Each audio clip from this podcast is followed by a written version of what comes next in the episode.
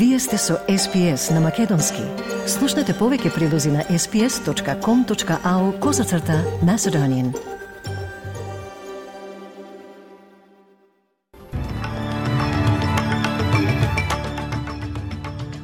Благодарам Радица, а во денешниот билтен вести издвојуваме. Извештај дека земјата членка на НАТО Полска била погодена од руски ракетни напади, при што загинале две лица – Австралија се приклучува на глобалниот сојуз кој го поддржува растот на офшор секторот за енергија од ветер.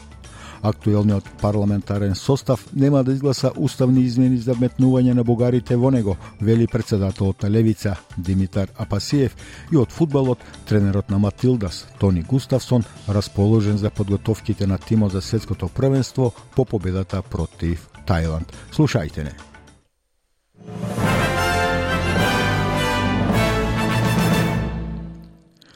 Австралиската министерка за надворешни работи Пени Вонг изјави дека извештаите за руски ракети кои ја погодиле Полска се, цитирам, длабоко загрижувачки.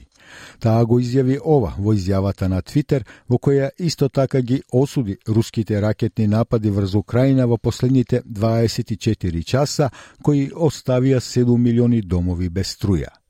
Амбасадорите на НАТО треба да се сретнат подосна денеска на барање на Полска, бидејќи се бараат повеќе информации за потеклото на нападот врз Полска, за кој полските медиуми јавуваат дека загинале две лица. Ракетите паднаа приближно во исто време кога Украина го доживеа најтешкиот бран на ракетни напади во деветмесечната војна.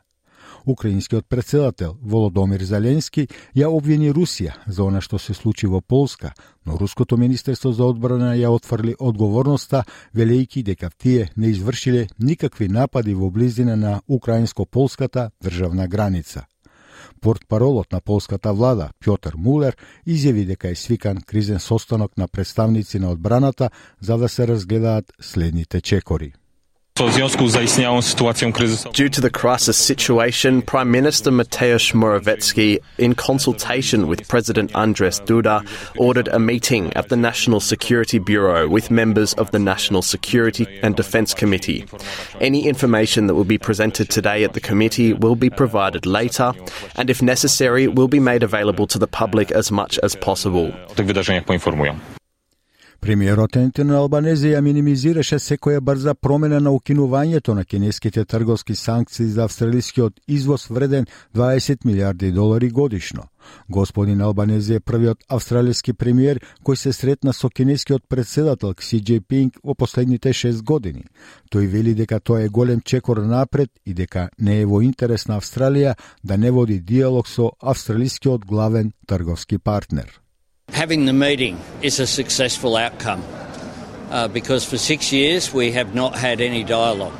And it is not in Australia's interest to not have dialogue with our major trading partner. Со време на состанокот на маргините на самитот на Г20, господин Албанезе го покрена прашањето за трговските санкции и другите точки на тензија во односите, вклучително и загриженоста за човековите права во Ксинджијанг, одржувањето на статус квото со Тајван и притворањето на австралијците Ченглеј и Јанг Хенчун во Кина. Службите за итни случаи трагаат по двајца исчезнати жители во поплавите што го зафатија целиот централно-западен регион на Нов Јужен Велс. Рекордни поплави вчера го погодија градот Југора, зафаќајќи домови и деловни објекти во заедницата од 700 луѓе. Многу жители имаа само неколку минути предупредување да се искачат на безбедно на покривите пред поплавите да го зафатат градот. Жителите, 60 годишната Дајан Смит и 85 годишниот Љубиша Вугец и понатаму се водат како исчезнати. Комесарот на службите за итни случаи, Карли Ньорк, вели дека одговорот за итни случаи сега е една од најголемите операции во историјата на државата. Таа вели дека повеќе од 160 лица персонал за итни случаи одговориле на повиците за помош. It was incredibly serious and significant. We saw the River Heights double in size from 9pm Sunday through to 8.15am on Monday morning, where it peaked at 9.75 and the emergency warning was issued at 6.14am. And as a result, we received 180 requests for assistance and 159 flood rescues, many of those off roofs of houses and businesses. Градот Форбс се подготвува за уште една поплава денес, при што се очекува реката Лахлан да достигне 10,8 метри. Тоа ниво ќе ја направи најлошата поплава во последните 70 години. Тоа доаѓа две недели откако градот беше погоден од поплави. Низ државата има активни 121 предупредување за поплави.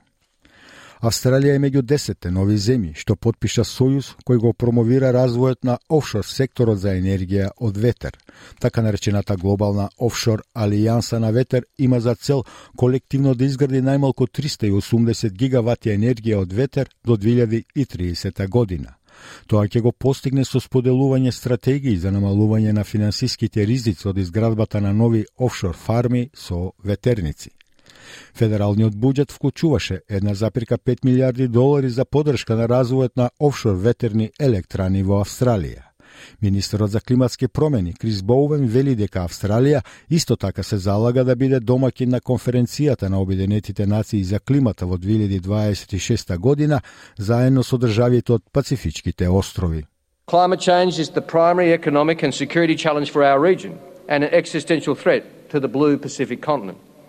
That's why we're boosting assistance to the region with an additional $900 million to support the Pacific family's development and resilience in dealing with the climate emergency. And that's why, along with Pacific nations, we are seeking to host COP31 in 2026. Pacific voices have led this debate for decades and they must be heard. Македонскиот премиер Димитар Ковачевски повторно ги интензивира повиците до пратениците да донесат, како што вели, одговорни одлуки за менување на уставот. Вината за евентуален неуспех на уставните измени тој ја гледа во Левица и ВМРО ДПМНЕ. А председателот на Левица Димитар Апасиев пак вели, цитира, со ВМРО ДПМН ниту сме, во, ниту сме во неформална коалиција, ниту во брашна заедница, туку имаме слични ставови, затворен цитат, одговарајќи на нападите на премиерот Ковачевски околу настојувањата да се случат што побрзо уставни измени.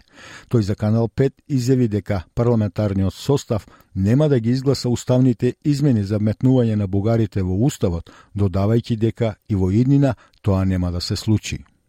Тоа е пиши крс пропало, нема уставни измени во овој мандат, а во идниот уште помалце, затоа што во идниот мандат Левица ќе има двоцифрен број мандати, тоа што позициите ќе бидат многу подрастично променети. Uh, нема да има нема да има уставни измени. Тие се ќе сторат uh, за да останат на власт, тоа нас не не чуди и затоа да нашиот став е што побрзо избори, тоа подобро за државата. 7 милиони домови во Украина се без струја по серијата ракетни напади во последните 24 часа. Украинскиот председател Володомир Зеленски изјави дека Русија истрелала 85 проектили врз енергетски објекти низ целата земја во последниот бран напади. Во западниот регион Тернопил, властите велат дека 90% од жителите се погодени. Тоа доаѓа од како руските војници се повлекоа од Херсон, единствениот голем украински град што падна во рацете на руските сили во речеси 9-месечната војна. Главниот хуманитарен координатор на Обединетите нации во Украина, Денис Браун, вели дека во Херсон пристигнале резерви на вода и средства за лична хигиена, но последните ракетни напади се штетни. It was an incredibly long and uh, quite emotional and difficult uh, day. It's the first time that the humanitarian community uh, was able to access Kherson city since uh, since the war started. So it was of huge importance. There is no electricity in the city, nothing at all. There is no water anywhere in the city. There was no phone connection when we were there, no internet connection. So it really felt we, we were in a in an enclave. Нова кампања бара да се стави крај на тековната дискриминација на LGBTIQ заедницата во Австралија, пет години по легализацијата на истополовите бракови. Кампањата Да, што е следно, започната од олимпискиот шампион во пливање Иан Торп, повикува да се стави крај на штетните практики на конверзија и дискриминацијата на LGBTIQ заедницата, учениците и персоналот во верските училишта. Таа исто така повикува на целосна еднаквост за транс и родово различните луѓе и вклучување на LGBTIQ за лицата во пописот. Иан Торп вели дека истополовите бракови биле само почеток за борбата за еднаквост од страна на застапниците. That experience saw the support of most Australians supporting us, for the people that we love, the people that we are in love with, uh, to all come together so that we could be equal in this country. Unfortunately, it was only a, a starting point. So, continue to this day, there is still discrimination that people of the LGBTQ plus community face. Матилдас, односно женската фудбалска репрезентација на Австралија го совлада Тајланд со 2 спрема 0 и ја заврши годината со долгата победничка серија откако селектор е Тони Густавсон. Селектор Селекторот Густавсон вели дека резултатот ќе придонесе за подготовките за светското првенство следната година на домашен терен. There's two reasons why it's good. One is obviously confidence, like internally, individual players and the team feel confident and believe in what we're doing. The belief was there before, but wins gives you more confidence. And the other thing is momentum. I think it's important to understand we're going into this World Cup together. Everyone in this room, the fans, like look at tonight as well, like we're doing this together. And I think the wins create that momentum, and, and we need everyone around us to believe in this team and carry this team team through.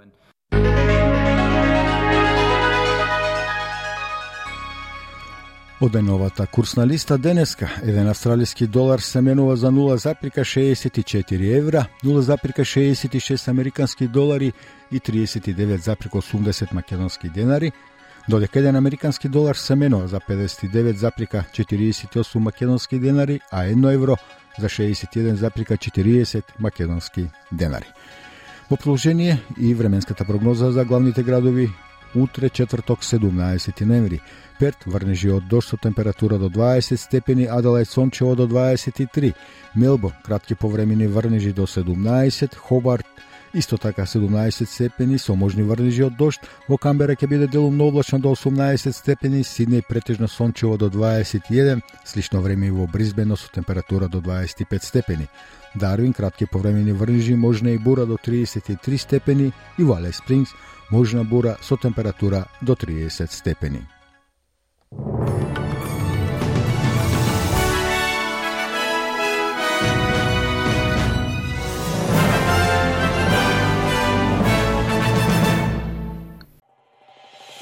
Сакате ли да чуете повеќе прилози како овој? Слушате подкаст преку Apple Podcasts, Google Podcasts, Spotify или од каде и да ги добивате вашите подкасти.